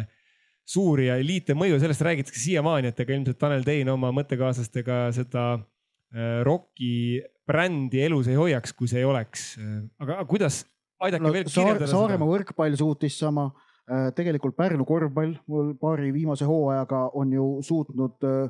noh, vägagi sellise suure vaimustuse tekitada. vahepeal oli Rapla korvpall samamoodi. Äh, noh, jalgpallis ma ütleks sellist noh, no Viljandil, Viljandi oli vahepeal hea näide, kes ehitas ennast vägagi kenasti üles, aga, aga seal siis see kolmikjõud, mida sa kirjeldasid, et, et oli seal, seal oli mingi hulk linnatoetust, mingi hulk oli äh, oli, oli erasektorit, aga need noh, piletitulu seal muidugi oli väiksem, et, et see nagu lagunes koostöö, nad pidid taanduma, et mis nagu näitab, et see on kohati, kohati üpris habras äh,. aga, aga jällegi, et nüüd, kui Viljandil on soov seda kõike uuesti kogeda, Viljandil, linnal, maakonnal tervikuna, noh, nad peavad sealt seest leidma need inimesed ise üles, kes selle uuesti üles ehitavad. ei ole võimalik, et äh, saadetakse ministeeriumist inimene, ütleb, et me hakkame nüüd siin Viljandis jalgpalli tegema ministeeriumi rollis on jalgpallis jalgpalliliit natukene, et, et ehk siis äh, me muuseas mõtleme selle peale tegelikult, et me peame seda nagu enda kohuseks ikkagi, kui keegi kuskil hakkab välja surema, siis äh, me peame leidma talle viisi, kuidas ta kõigepealt, millega see esimene elustussüst on, mingi morfiin või midagi sellist. adrenaliin. jah, jah, jah, jah, jah, see oli morfiumi ja adrenaliini segu ilmselt, siis on see selline asi aga sellest emotsioonist veel rääkides, mul on nagu endal nagu hea näide sellest, ma olen käinud äh, Saksas äh,, Saksamaal Bundesliga't vaatamas ja, ja kui sa lähed sinna, siis äh, seal on niimoodi, et ükskõik äh, kui väikses kohas see on äh,, a la näiteks käisin Melsungenis äh, vaatamas Melsungeni mängu, sa lähed sinna kaks tundi ennem, on rahvas kohal. Kesk ja kogu, ütleme siis kogu see seltskond, kes seal nagu seda elu korraldab, on vabatahtlikud ja kes grillib vorsti, kes annab õlut, inimesed tulevad kaks tundi varem kohale äh,, räägivad juttu, muljetavad äh,. peale mängu ollakse seal veel tund-kaks äh,. mis koha Mersungen saab Bundesliga-s enamasti? kuues-seitsmes. no ei ole tipus, Ei ole okei, ei tipus. ole, ei ole lõpus, aga Jah. ei ole tipus ka ja, ja see on nüüd üks väga oluline valearusaam, mida ma äh, spordiinimestest väljaspoolt Eestis väga sageli kohtan, on see, et selleks, et inimesed tuua spordivõistlust vaatama, peab tase olema kõrge või, või jõudma kuskile Euroopa tipu vähemalt lähedal, tegelikult ei pea tegelikult äh, peab, peab olema see, et, äh, et on äh, korralik korraldus, aga ennekõike see peab minema hinge, peab minema südamesse, see peab olema, see peab olema tegelikult nagu siiralt tehtud. selle võltslikkuse tunnetab inimene kõige lihtsamini ära, kui sa lähed koha peale ja see kõik on võlts, siis sellest arusaamine on kõige lihtsam asi. palju lihtsam kui see, et aru saada, kas see mäng, mida sa vaatad, on halb või mitte. sest osa mänge on paratamatult halvad. iialgi ei juhtu seda, et kõik mängud on head. Rauno, saaks ja ma lihtsalt äh, noh, võib-olla natukene seda, et minu arust Eesti eestlastele on omane see ka, et, et ikkagi see edu on nagu seda nagu aetakse taga, et noh, kasvõi see, et praegu ju iga eestlane on rallisõitja ja, ja, ja siis äh, mingi, mingil ajal olime me kõik suusatajad ja, ja see on nagu ka, et, et sellist, sellist sügavat kultuuri, et vot mina olen Paide jalgpalliklubi fänn, ma hakkasin selleks, ma ei tea, minu isa ja nii edasi oli see on ju, et seda, seda meil täna veel ei ole, aga seda jalgpall siin kindlasti on nagu püüdnud kasvatada, on ju, nagu Aivar ütles juba kolmkümmend aastat. natuke on välja ka tulnud, aga, aga noh, see kultuur on meil täna ikkagi Eestis hästi lastekingades igas sportmängus. seda vist forsseerida tegelikult väga ei saagi, see saab ainult kasvada räägime veel äh, sellest, Ott tõi, ka Aivar tõid siin erinevaid näiteid, kes on olnud edukad või heas suhtes oma kogukonnaga, siin Raplat mainiti, Saaremaad võrkpallis, siis Raplat äh, korvpallis. et tegelikult äh, noh, me räägime neist, mina nimetaks ka näiteks Pärnut mingil hetkel võrkpallis oli, oli väga-väga tugev. Serviti käsipall, et me räägime neist kohati vähemalt ikkagi mineviku vormis siin siin ka, et mis nendega, nende nii-öelda edukatega, ka sellest Tartu Rockist, kus siis oli tegelikult väga hea kombinatsioon, omavalitsus, ülikool ja eratoetaja, me räägime nendest täna minevikus, et mis, kas te oskate kirjeldada, mis nendega juhtus, et miks me nendest minevikus räägime? aga see ongi see, millest sa ise alustasid, et, et neid jätkusuutlikke loogikaid ei olnud, et, et ta oli ühe elevandi peal, eks ole, see elevant oli seal ühe serva all. ei suutnud seda kuigi kaua nagu tasakaalus äh, hoida, et et äh, Saaremaa võrk, võrkpalliklubi äh, juhid või siis no endised juhid äh,. noh, kuidas nüüd seda öelda, ma ei tea, palju võib ju rääkida, et, et, et nad nimetavad täna esimese asjana nendega kohtudes äh, siis oma lähedastele või tuttavatele inimestele seda summat, mille nad sisse tampisid äh,. siis teise asjana sa loed nende näost välja seda valu, mis, mis selle tulemusel lõpuks on äh, saadud läbi siis ma ei tea, negatiivsete emotsioonide ja nii edasi ja nii edasi ja nii edasi ja nii edasi. ja, ja, ja mingit tüüpi nagu kahetsuse, et, et, et, et see nüüd konkreetselt selle pinna peal, see oli ka loomulikult Saaremaa võrkpall oli ka üks selle nagu äärmuslik näide, kus, kus nagu, kuidas öelda siis äh, sõideti mingisugusele rajale siis sisse tohutu kiirusega ja, ja, ja tegelikult see tee lõpp oli sealsamas, et, et ei jõutud õieti pidurdadagi, et pandi sealt üle ääre kohe, et et aga, aga, aga just nimelt neid jätkusuutlikke mehhanisme pole. ehk siis see tähendab seda, et jätkusuutlikkust toetavaid mehhanisme, neid elevante, et ehk siis, kui sa selle ühe elevandi kokku äh, kuidagi keevitad ja püsti paned, et, et siis on äh, nai-, noh, sa võib-olla naiivselt eeldad, et see teine ja kolmas elevant astuvad ka siis ligi ja, ja sa saad selle kuidagi tasakaalu. aga tegelikult äh, tegelikult ka need elevandid tuleb endal lõpuks, lõpuks tegelikult ehitada küll, küll võib-olla siis teiste nurkade alt, eks ole, et ehk siis järsku ei juhtu midagi. et, et, et see on see, et, et sa pead suutma mingisuguse miinimumtasemel püsida selleks, et need teised elevandid sinna juurde sünniksid ja, ja kasvaksid, et, et see on see põhjus, miks need, need, need, need protsessidest räägime pigem minevikus ja, ja nostalgia kaudu. ja loogika tegelikult ongi selline, vaata, kui ühiskond sünnib niimoodi, nagu ta sündis Eesti, uus Eesti ühiskond niimoodi äkki, siis, siis ongi, tähendab kui sa hakkad mõtlema telekanalite peale, ma ei tea, ka mingite äride peale, eks ole, olid ju igasugused, ma ei tea, TV1 ja, ja, ja Noves metalli kokkuostufirmad ja mida iganes, et, et need olid need raketid, mis lasti, lasti alguses kohe püsti ja siis olid teised protsessid, mis hakkasid nagu aeglaselt kasvama ja mingil hetkel jõuavad nemad siis pilti, et see on nagu mingit pidi väga loogiline, siis ütleme siis, kui ühiskonna korraldus muutub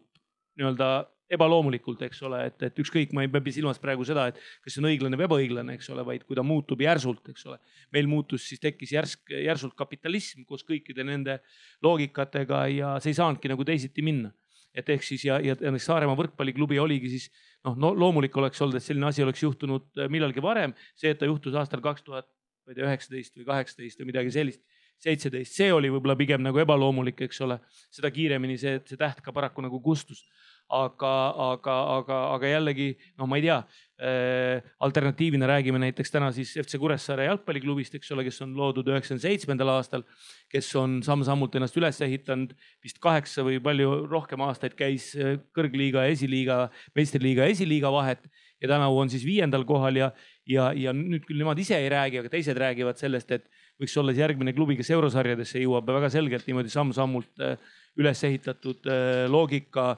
Äh, kindlasti kõige odavam meeskond muuseas äh, Eesti Premium-liigas, äh, pika puuga kõige odavam meeskond. et, et, et ehk siis noh, see on kuidagi nagu loomulik. ja ma siin kinnitaks Aivari sõnu, et äh, isikliku näite baasilt, et äh, te keegi ei maininud seda, aga ka Eestis on üks päris äh, edukas hokiklubi mingil hetkel olnud, HC Panther nimelt, kes äh, kes mängis tegelikult nagu Soomes, mängis Eestis, mängis päris kvaliteetset jäähokit Äh, suutis äh, meelitada publikut jäähalli. siin Eesti mängudel oli kaks tuhat inimest, äh, oli saalis hokit vaatamas, mis ma arvan, Eesti spordis ei ole üldse mitte väike number. aga see klubi tegelikult oli siis noh, minu lapsepõlve mängukaaslase Olle Sildre isiklikul nii-öelda energial üles ehitatud klubi, seesama Elevant, millest sa rääkisid, tema oligi see, kes seda nagu edasi vedas ja lihtsalt ühel hetkel sai tal see energia otsa, see, need süsteemid, need tugisüsteemid või taustsüsteemid ei tulnud nagu kaasa ja ja see asi kukkus nagu kolinal kokku ja sellepärast saabki rääkida ka sellest nagu, nagu nii-öelda nagu äh, siis mineviku võtmes. ja noh, mis seal salata, ega minul ka, ma olen nüüd juba tänaseks varsti kümme aastat Eesti Sokit juhtinud ja, ja ma saan, tunnen samamoodi, et me tegelikult oleme ära teinud suure töö. aga see, see pall ei ole nagu läinud piisavalt kiiresti veerema, et, et nüüd ongi see oht, et kui, kui see nagu, nagu edasi ei lähe, saab ühel hetkel see energia otsa ja siis on ka see kümme aastat tegelikult äh, ei muuda mitte midagi, nii et see on reaalne, reaalne oht. Äkki üks sisemine reserv, mis on äh, kasutamata, millele pole eriti palju tähelepanu pööratud, on äh, nendesamade võistkonnaalade, mis on selles mõttes erinevad individuaalaladest, et on vaja tuua publikut saali, et individuaalala ja, ja võistlused on regulaarselt toimuvad. individuaalaladel võistlused on, neid on palju vähem, nende loogika on teistsugused. Nende oma, omavaheline koostöö, sellepärast et inimene, kes käib staadionil vaatamas jalgpalli või, või korvpallisaalis korvpalli, on päris arvestatav tõenäosus, et talle tegelikult, kui ta läheb käsipallisaali või võrkpallisaali või hokihalli, talle meeldib see võistlus ka selle, selle võistkonnaala jälgimine on, noh, ma näiteks ise olen, mulle võistkonnaalad meeldivad, mul pole, pole, olümpiamängudel ma proovin kuskilt leida paar vaba tundi, et minna vaatama maahokit või, või veepalli, kuigi mul pole üht, aimu ühestki mängijast, kes seal äh, parajasti väljakul või basseinis sulistab. aga lihtsalt selle võistkonnala jälgimine on põnev ja on äge ja, ja seal on niivõrd palju asju korraga juhtumas. ehk et spordialade vaheline koostöö äh, sageli on olnud võistkondlikud pallimängud Eestis teineteisele pigem konkurendiks. no nüüd ma tean, et, et on proovitud mingites asjades seda koostööd teha. see võiks olla väga hea variant, kuidas äh, tegelikult luua seda publikut, nagu sa rääkisid, et Leedus on olemas, tegelikult ei ole ju olemas ainult jäähokikultuur või korvpalli vaatamise kultuur, seal ongi käimi spordi, sportmängude vaatamas käimise kultuur. Saksamaal tegelikult samamoodi, aga Saksamaa Bundesliigad toimivad ju igal pallimängualal äh, ebaloogiliselt hästi, arvestades seda, kuivõrd nõrk on mõnel alal seal tase tegelikult. ja kui sa vaatad seda, seda ütleme publiku vanust, kes seal käib vaatamas, siis publiku keskmine vanus on üle neljakümne et kui see, kui sealt tegelikult nagu puudub see noor, noor seltskond, et see näitabki seda, et see kultuur on olnud nii pikk. et see on edasi antud ja, ja see, ütleme siis see, see vanem seltskond käib seda vaatamas. ja ütleme, mis ma, ma toon ühe näite, näiteks selle Ungari, Ungari koha pealt on, on see, et, et kui sa küsid äh, äh, ungarlase käest, et kas ta käib, palju, palju nad käivad jalgpalli vaatamas siis see protsent on väiksem, kui sa küsid tema käest, et äh, kas sa oled käinud näiteks käsipalli Final Fouril, äh, meistrite liiga Final Fouril, siis iga suvaline vend on käinud seal. kuna ma ei tea, mis fenomen sellel on, on, on, aga nad lihtsalt leiavad selle ülesse, kuigi, kui ta pole isegi seotud käsipalliga, siis ta läheb äh, vaatama seda meistrite liiga Final Fouri, kuna nende võistkond sinna saab no see on selline nii-öelda juba kultuurifenomeniks muutunud, aga see Oti Saksa jutule mul tuli üks äh, näide, hea näide pähe, et kunagi pakun, et see võis olla kaks tuhat kuusteist, millal oli Saksamaal EM äkki, see oli, võis varem olla? ah, ja, jah, see oli äkki, äkki siis lausa kaks tuhat kuus, jah, ju ta oli kaks tuhat kuus, see aeg lendab nii kiiresti. et äh, Saksa saatkond kutsus mind siis esinema äh, oma külalistele ja, ja seal oli siis eestlastest ärimehi, kel, kes on seotud Saksa, Saksamaaga kuidagi ja siis oli kohalikke prominentseid sakslasi. ja siis eh, huvitav fenomen oli see, et need olid kõik üle keskmise vanemad inimesed ja siis nagu alguses lihtsalt lobisesime seal, et millised on nende seosed jalgpalliga. muuseas eh, jah, see oli tõesti MM-i aasta, siis või MM-i aeg lausa et nad MM-i polnud vaadanud, aga kõikidel nendel oli oma lemmikklubi, keda nad jälgisid väga hoolsalt ja kelle käekäiku nad äh, teadsid viimse kui detailini. ja ma juhin veel tähelepanu, et mina ei teadnud ühtegi nendest klubidest ehk siis need olid kõik mingisugused äh, väikesed kogukonnaklubid, ehk siis see on puhas kultuur ja ja enne kui me lähme publiku küsimuste juurde, mis kohe-kohe tulevad, nii et pange valmis, ma siis tulen mikrofoniga teie juurde. Äh, tõstataks veel ühe ühe teema või, või ühe küsimuse, et võib-olla, võib-olla need võistkonnaalad, me oleme nagu kuidagi vist enam-vähem konsensuslikult selle, selleni jõudnud, et, et sihukest teatud tuge võiks võistkonnaaladel vaja olla, on siis omavalitsus, riik või, või, või mõlemad. elevante, elevante. elevante on vaja nendel võistkonnaaladel, et, et vaadates selle spordisüsteemi arengut, et võib-olla noh, see võikski olla nagu järgmine loogiline samm, et tegelikult alles see treenerite toetus, millest spordis sees olevad inimesed teavad ju väga hästi ja mis on tegelikult väga oluline selline spordi noh, areng on, ütleme viimastel aastatel või ka siis see sportlase toetus või nõndanimetatud sportlase palk ja, ja kõik need asjad või ka Team Estonia on tegelikult alles viimaste aastate, äh, viimase aasta teema olnud, et, et kuidagi seda teie juttu summeerides tundub, et individuaalsportlastel on läbi Team Estonia tugi olemas, koondistel on ka tegelikult läbi Team Estonia tugi olemas, aga klubidel ei ole täna seda, ütleme just profiklubidel, me ei räägi harrastusklubidest, kes kes, kes, kes mängivad noh, siis kas oma finantseeringuga või ka kerge finantseeringuga, ütleme siis erasektorist ja siit ja sealt, aga et just sellel puudub täna nagu mehhanism no see elevant ongi puudu, et mm. tegelikult sellest äh, me ju olemegi lähtunud, et, et kõikidel, kõikidel muudel, äh, muudel nurkade alt vaadates spordil on need elevandid olemas, aga, aga võistkondaalade tippklubi spordil ei ole. ja kahtlemata on seda elevanti ka kõige raskemalt sünnitada, sellepärast et see on valdkond, mis võib-olla siis on kõige kallim tegelikult, eks ole, et, et või nõuab ja jällegi ta ei nõua küll stardiks nagu väga palju raha, aga, aga ikkagi et me, meie spordis ongi üldse, üldse väga vähe raha. selle elevandi ärapõhjendamine on ka kõige keerulisem avalikkusele ja, ja kui avalikkusele seda elevanti ära ei põhjendata ja avalikkus sellega nõus ei ole, siis seda elevanti ei sünni ka. Need asjad on omavahel väga selgelt seotud et kui me ju tegelikult, kui toetame, toetatakse nagu individuaalsportlasi on ju, et miks ei võiks samas olla ka klubipõhiselt näiteks, et et riik toetab a la kolm-neli noort, panna seal mingi vanusepiirang paika on ju, kes saavad stippi sealt, siis tegelikult nagu see teki-, see tekitaks noortele suuremat konkurentsi noh. et mille läbi me jälle kvaliteet tõuseks.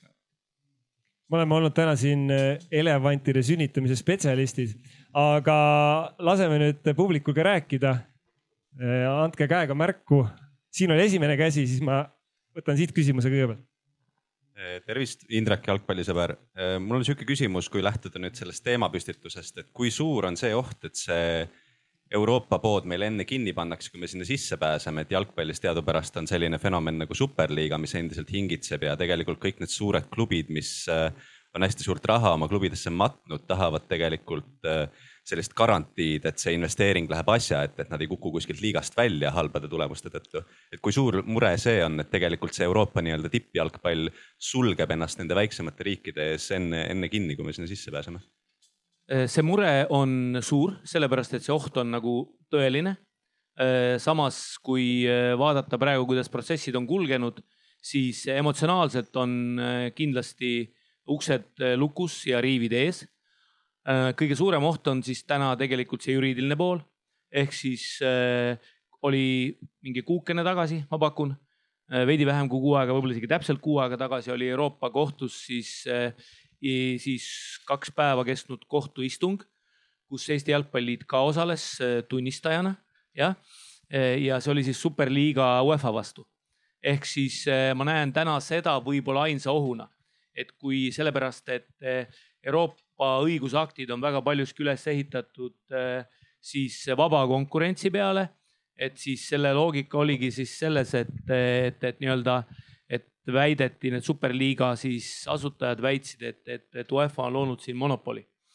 et, et ma näen seda nagu pigem nagu ainsa ohuna. aga oletame, et läheb halvasti ja ma, ma ka ei toetaks seda, kindlasti olen superliiga vastane sellise süsteemi, aga isegi kui see asi tekiks, siis tegelikult äh, seda tugevat klubisporti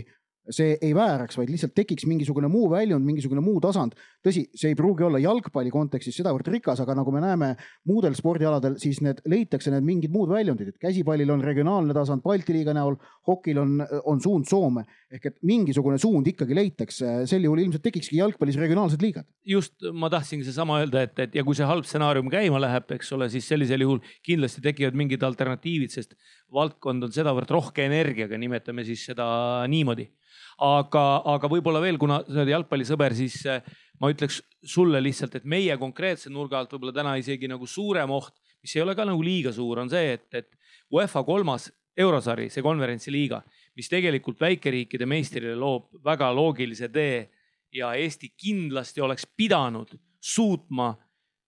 Ott ütles kolmel aastal korra tegelikult vähemalt alguses startida selliselt, kuna need koefitsientide punktide loogika just esimestel aastatel mõjutab tohutult, et me oleksime pidanud tegelikult siin noh, nüüd igal aastal sinna gruppi ennast sisse pressima, mis oleks andnud tulevikuks väga-väga head eeldused. lihtsalt ütlen, et sellest ei ole palju räägitud. see konverentsliiga on loodud praegu klausliga neljaks hooajaks. et ehk siis tegelikult äh, äh, ma eeldan, eeldan ja teades ka siseinfot, et see pigem on praegu noh, plussmärgiga kõik, ehk siis neid võimalikke halbu stsenaariume pigem ei käivitu. aga sellest on veel kord hästi vähe räägitud, aga kui see liiga loodi, siis see loodi neljaks aastaks äh, nii-öelda äh, noh, ajutine ei ole õige sõna, aga, aga nii-öelda, et vaadata, kas see on, seda on võimalik pikemalt üleval pidada.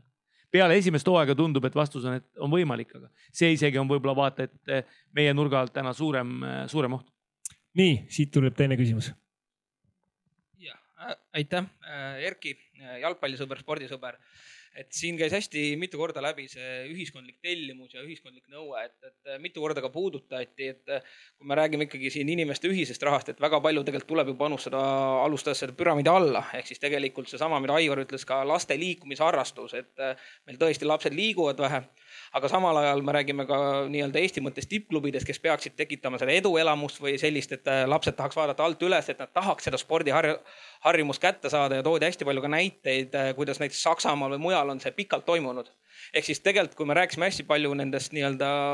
olnud projektidest, siis äh, kas ei tekigi seda tunnet või muret, et tegelikult see ajastu, kuhu me täna oleme jõudnud ehk siis tegelikult väga kiire infoajastu, kus lapsed vaatavad jalgpallis üles Ronaldole, Messile, kellele iganes aga samal ajal me võrdleme, et kuhu me tahame jõuda sellest, et kuidas Saksamaal mitukümmend aastat on, ma ei tea, isalt pojale see nii-öelda harjumus üle kandnud või emalt tütrele ja nii edasi. et tegelikult see mudel, mida me tahame ehitada, siis tänases infoajastus enam lihtsalt ei toimi sellepärast, et eh, kui nende klubide sümpaatia tekkis nii-öelda kogukondlikult või perekondlikult, siis sul ei olnudki alternatiivi, sul oli võimalik käia oma kogukonna klubi vaatamas, see on läbi perekonna traditsiooni tulnud. täna teed telefoni lahti, vaatad ükstapuha, mis mängu, mis liigat, mis maailmas superstaarid on sul hommikust õhtuni telefonis sees, et tegelikult me nagu võitleme süsteemiga, mis on ilmselgelt meist nii rahas, süstemaatikas, kõiges muus on üle. et samal ajal proovida ehitada sellist nagu kogukondlikku klubi, et kas see juba ei ole natuke nagu ette sihuke tuuleveskitega võitlemine ja peaksime proovima samme edasi vaadata, et ikkagi rohkem lihtsalt ka panustada sellele, et mitte rääkida ainult klubidest, vaid tegelikult süstemaatiliselt hoopis tegeleda laste liikumisega rohkem? Äh, lihtne vastus on, et sul on õigus selles mõttes, et äh, me tegeleme millegiga, mis, äh, mida on üles ehitada praegu väga keeruline ja siis ütleme, stabiilselt kulgenud riikides on võimalik seda kultuuri ja väärtuseid ekspluateerida nüüd tagantjärele, eks ole, vahetades neid siis raha vastu. aga mina ütlen lihtsalt, et noh, näiteks mind isiklikult, mind ei huvita elamine Eh, primitiivses ühiskonnas eh, mind huvitab kultuurikeskne, väärtustepõhine elu ja, ja ma arvan, et, et, et läbi selle klubispordi eh, me püüamegi noh, ütle ka selliselt, öelda ka selliselt võib-olla võib, et aeglustada seda, et, et, et maailm, maailma lõppu, lõpule lähenemist, et, et, et tegelikult ega ma, ma ütlen puhtfilosoofiliselt, et seni, kuni maailm, inimühiskond ja üldse maa, maailm, maakera, inim, inimkooslus koos kõikide muude looduskooslustega liikus nii-öelda oma optimaalsesse seisu, nii oli igasugune areng plussmärgiga aga täna, kus me oleme sellest optimaalsest seisust üle ja tegelikult oleme lähemal lõpule kui algusele, siis, siis põhiline on ikkagi aeglustada seda pöörlemise tempot, eks ole. ja see, seda me tegelikult natuke üritamegi ka nende asjadega. sellepärast, et see, et, et me oleme kõik primitiivsed egoistid, kes istuvad, eh, paremal juhul on eh, kolmetoaline korter, kus igaüks istub oma toas ja on oma telefonis ja sealtkaudu suhtleb eh, maailmaga omal moel, see, sellel elul ei ole mõtet. nii et mõtet on ikkagi sellel elul, kus me kus, kus meil on väärtused, kus meil on iidolid, kus meil on eesmärgid, kus me tahame kuskile jõuda, kus meil on eluterved ambitsioonid, eh, tahe ennast realiseerida kuidagi oma võimekust, mitte lihtsalt olla primitiivne tarbija. et selle, meid lükatakse sinna eh, ühiskonna poolt, maailma toimimise loogika poolt täna, et meist saaks primitiivsed tarbijad, aga me peame sellele vastu hakkama ma ei tea, kas noh, enda poolt võin öelda, et minu jaoks siin see kõnelemine on üks vastuhaku vorm äh,. väga hea küsimus, selles mõttes väga hästi tõstatatud ja Aivari poolt väga selline põhjalik selgitus. ma ütleksin lihtsamalt, et, äh, et see, et äh, sul on täna telefonis võimalik vaadata, ma ei tea, Messit või, või fännata Messit või, või ma ei tea, Rafael Nadali, ükskõik keda, onju see tegelikult on ju ainult, ainult hea, sellepärast et see annab nagu lootust selleks, et sa tahad minna sinna muru peale proovida, mida see Messi teeb, on ju. kas ma nagu, kas ma saan sellega hakkama või mida see Rafael Nadal selle palliga oskab teha, on ju. ja see, ja see on nagu see, mida tegelikult ju spordi ja sportmängude nii-öelda siis ja kõik üldse spordialade eestvedajad ju tegelikult nagu teevad, et nad ju ikkagi kutsuvad oma võimaluste piires neid lapsi harrastama sporti paradoksaalselt on tekkinud mure, et, et spordiiidolid on lähemal kui kunagi varem, aga see, mida ka Aivar ja mida ma ka tõstasin, on see, et, et aga liikumine on alla, alla igasugust arvestusi kehvemaks läinud iga aastaga, et see on väga paradoksaalne tegelikult probleem. ja see on sellepärast, et iga, iga laps saab teha oma meeskonna, kus tal mängib Messi ja ta saab seda mängida telekas või kus iganes ja ma nüüd, see, see otseselt liikumise ja laste liikumise seotud ei ole, aga ma ütlen spordiajakirjanduse ja spordiajakirjaniku perspektiivist, et ähm, infoküllus, kus, kus me oleme nüüd juba mõnda aega nutitelefonide ajastul eriti elanud, on vähemalt spordiajakirjanduse eest vaadates tekitanud küll äh, viimase mõne aasta jooksul üha rohkem nähtust maailmas, aga tegelikult natukene ka Eestis, kus otsitakse aeglasemat kajastust, mitte enam see kogu aeg kiiret, vaid otsitakse aeglasemat spordiajakirjandust, pigem selle asemel, et teha neid kiireid uudiseid, mida sportlane pärast mängu ütles, otsitakse ja loetakse rohkem põhjalikke ja pikemaid kajastusi. maailma spordiajakirjanduse viimase kümne aasta konkurentsitult kõige edukam projekt on selline asi nagu The Athletic mis on portaal, mis hakkas tööle Ameerika Ühendriikides, on nüüdseks levinud ka Äh, Inglismaale, Inglismaa jalgpalli juurde ja, ja hõlvab erinevaid Põhja-Ameerika profiliigasid ja, ja, ja Inglismaal ka eelkõige praegu jalgpalliga tegutseb, aga nende äh, põhimõte on see, et nad ei kirjuta äh, selliseid noh, neil ei ole ajakirjanikke, kes kajastaks üldiseid teemasid, vaid nad palkasid igast linnast kohaliku meeskonna kõige parema ajakirjaniku, et ta kirjutaks kohalikele inimestele äh, selle võistkonna kohta põhjalikke, rahulikke, aeglasi, põnevaid lugusid Eh, ning see toimib.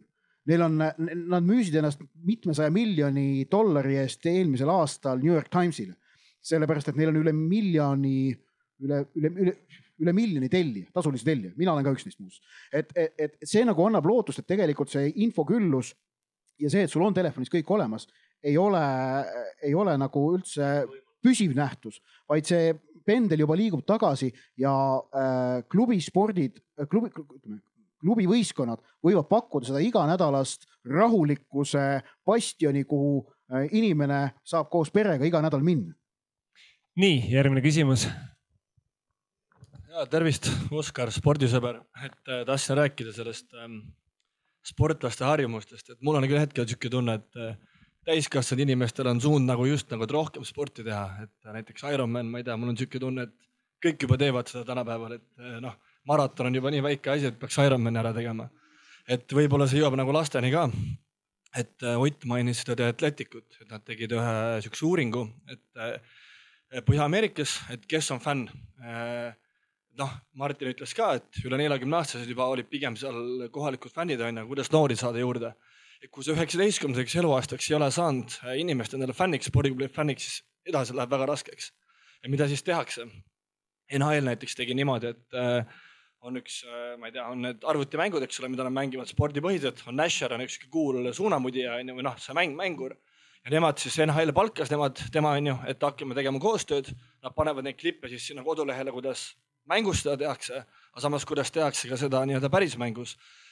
Mängurid tahavad võrrelda enda oskusi sellega, kuidas seda päriselt tehakse, kui keegi selle päriselus ära teeb, siis see on vinge, inimesed vaatavad seda, sellega tekib sihuke reach või nagu selline kättesaadavus on ju, et mu küsimus on võib-olla teile see, et mida teie teete, et äh, fänne tekitada juurde spordile, võttes aluseks selle, et tegelikult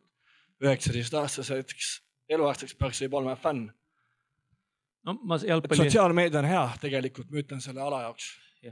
Ja jalgpallist oskan öelda, et meil on äh, palgatud Jalgpalliliidu poolt äh, siis tippklubidele, Premium-liiga klubidele kogukonnajuhid, kelle ülesanne ongi ehitada üles klubide kogukondi ja, ja just nimelt see sisemine ja kogukond on nagu erinevad mõõtmed. jah, astubki just jah. jah. ja, ja pärast meie arutelu, siin on kogukonnajuhti arutelu ka kell kaks algamas just. et, et ehk siis me ja sisemine kogukond ongi needsamased noorsportlased, eks ole, ja, ja nii edasi ja nii edasi, et ehk siis me, me püüame seda nagu reaalses äh, ruumis üles ehitada, loomulikult see käib ka sotsiaalmeedias, eks ole, et, et, et äh, ma alustasin Eestis suurimatel klubidel on sellised kahekümne tuhandesed äh, jälgijate, jälgijate, jälgijate hulgad või. aga, aga, aga jah, et, et, et, et see on üks projekt, see kogukondade ülesehitamine ja nagu siin kõik on täna rääkinud, et see ongi nagu ülimalt, ülimalt keeruline. aga sinu poolt kirjeldatud siis võimalus siduda ära siis no kuidas öelda läbi elektrooniliste vidinate või vahendite spordiga tegelemine eh, siis eh, reaalse liikumisega, see on kahtlemata üks väljakutseid ja, ja, ja, ja, ja, ja kõvad mehed on need, kes sellega päriselt õiges suunas selle voolu toimima panevad. et, eh, et no mina olen selle nurga alt kindlasti väga-väga vilets vend, sellepärast et mind need no vidinad ei tekita üldse mingisugust nagu emotsiooni, kui te panite tähele, et, et siis jah et käi, käsi, käsipallis on näiteks AC Tallinna, siis kui mängul pannakse reklaam, et loositakse iPhone välja, siis on saal täis. Noh. Aivar, kas sul luupi ei ole enam või? vanasti sa vaatasid luubiga seda telefoni. see, see Paide noormängijate tulek muidugi siia oli nagu, see on uskumatu lavastus muidugi selles mõttes, et küsimus tuli ja siis kohe hakkas, hakkas rahvas tulema, et äh, seda annab nagu lihtsalt... jah, seda annab nagu ikkagi kokku mängida nagu, no kogunejuhid teevad suurepärast tööd selle juures tuleb öelda. ma lihtsalt vastaks ka sellele küsimusele, et noh, meie hoki on ikkagi Eestis veel nii väike, on ju, et meil nagu mingit sellist süsteemset lähenemist nagu jalgpalliliit siin on suutnud teha ei ole, aga meil on jah, me ikkagi panustame sotsiaalmeediale. Me usume, et meil on seal väga-väga pädev inimene või, või isegi pädevad inimesed, kes seda teevad ja teine oluline asi on siis see, et koondised, me ikkagi püüame seda, et meie koondised paistaksid nagu võimalikult äh, hästi ja huvitavad ja atraktiivsed ja edukad välja ja läbi selle nagu seda fännlust, äh, fännlust tekitada. nii, meil on aega veel üheks küsimuseks.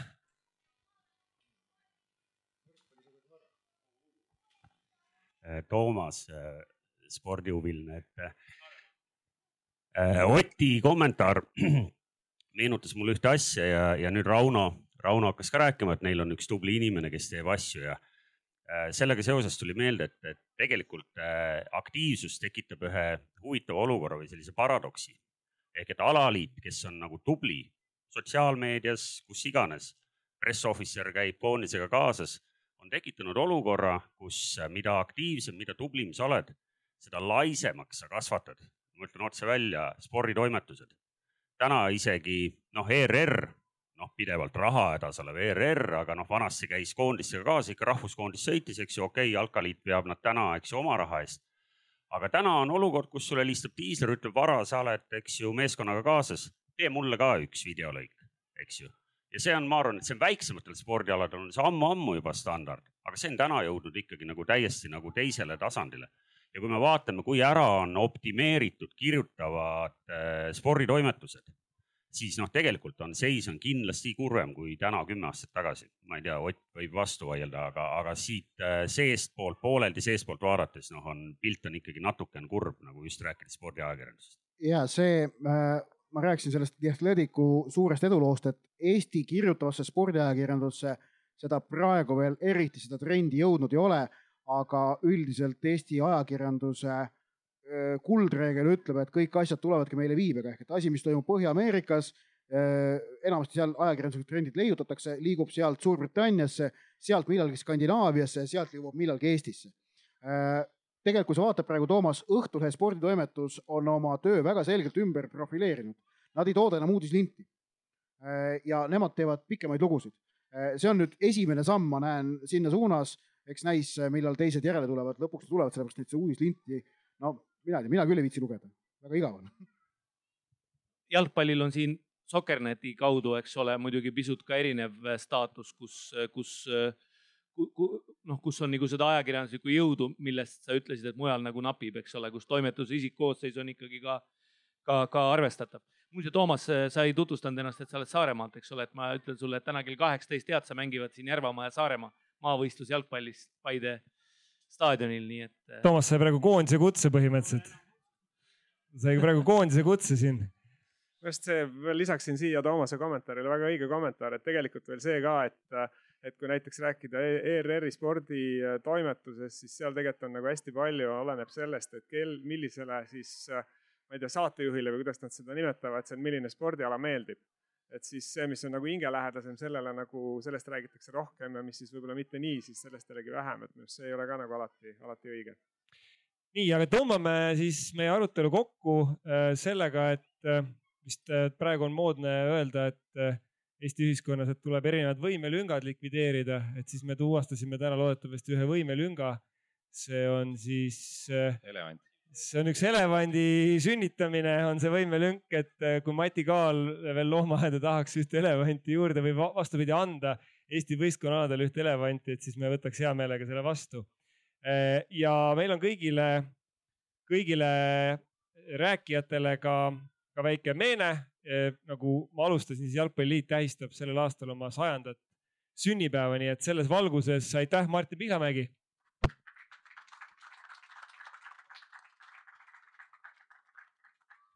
aitäh, Rauno Varras.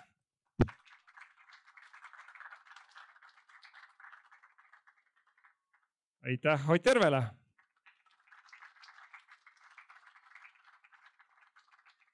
ja siin on asjad, mida Aivaril kodus kindlasti veel ei ole päris tõsiselt ei ole, nii et aitäh, Aivar Pohlak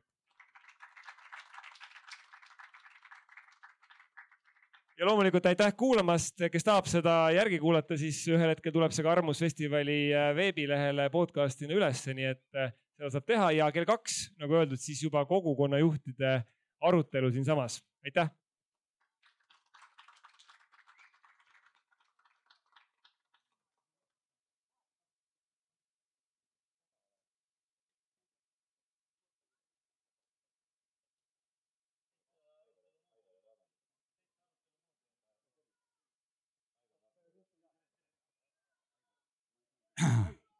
ja esimene paneel on läbi ja nüüd on väike paus, aga nagu te nägite, on äh, Paide linnameeskonna noored tulnud äh, siia ja vaatame, kuidas neil fänni hääl äh, välja tuleb.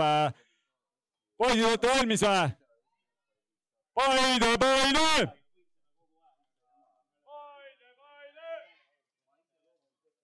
Paide, Paide, kõik teised ka. Paide, Paide